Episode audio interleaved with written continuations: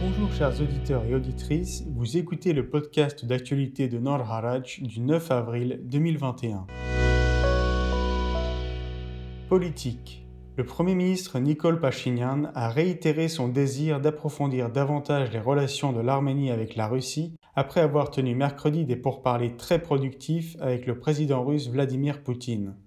Nous n'avons signé aucun document, mais nous avons parlé de la mise en œuvre ultérieure d'un certain nombre de documents, y compris sur la sécurité, signés dans le passé, a-t-il déclaré faisant référence à des traités russo-arméniens sur un contingent militaire conjoint et un système de défense aérienne des deux États. Une chose est claire, le caractère des relations russo-arméniennes est stratégique et cette coopération stratégique doit être approfondie au vu des défis et des situations auxquels nous sommes confrontés, a ajouté Pachinian. Santé. L'Arménie a reçu jeudi matin un premier lot important de vaccins russes Sputnik V contre le coronavirus. La ministre de la Santé Anahit Avanesian a déclaré que les 15 000 doses du vaccin seront utilisées pour vacciner 7 500 personnes les plus à risque.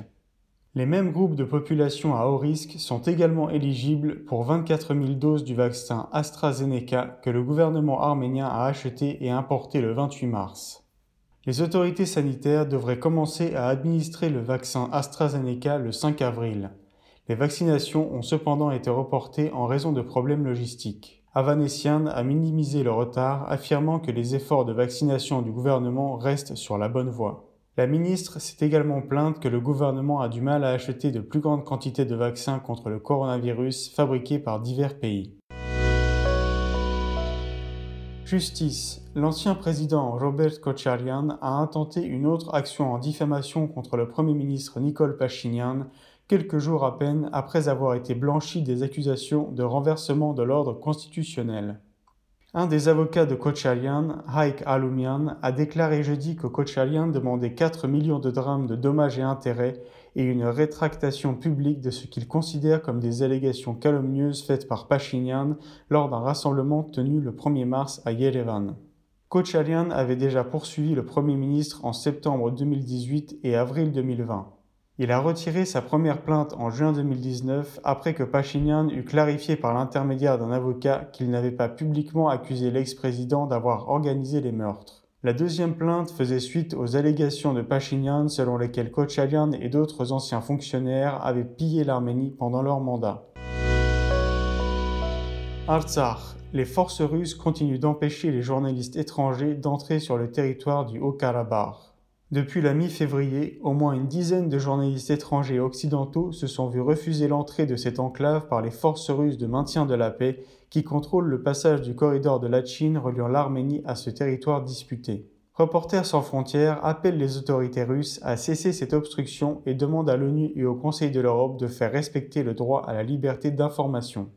Selon la responsable du bureau Europe de l'Est et Asie centrale de RSF, Jeanne Quevellier, un nombre croissant de journalistes étrangers se heurtent à un refus systématique des soldats russes. Aucune raison objective ne justifie cette obstruction.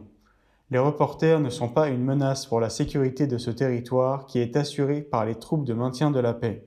En revanche, sans la presse internationale, le Haut-Karabakh risque de devenir un trou noir de l'information. RSF demande aux autorités russes de permettre l'accès des journalistes, quelle que soit leur nationalité, et appelle l'ONU et le Conseil de l'Europe à faire respecter le droit à la liberté d'information, d'autant plus impérieux en situation de conflit ou de post-conflit. États-Unis.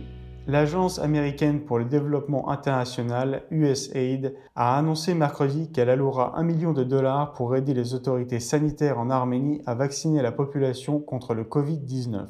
Dans un communiqué, l'agence gouvernementale américaine a déclaré que l'UNICEF recevrait le financement pour fournir une assistance technique ciblée pour soutenir et assurer la mise en œuvre efficace des efforts de vaccination contre le Covid-19 en Arménie. Le communiqué indique que l'allocation porte à 11 millions de dollars le montant total de l'aide liée au coronavirus fournie par l'USAID au pays depuis le déclenchement de la pandémie.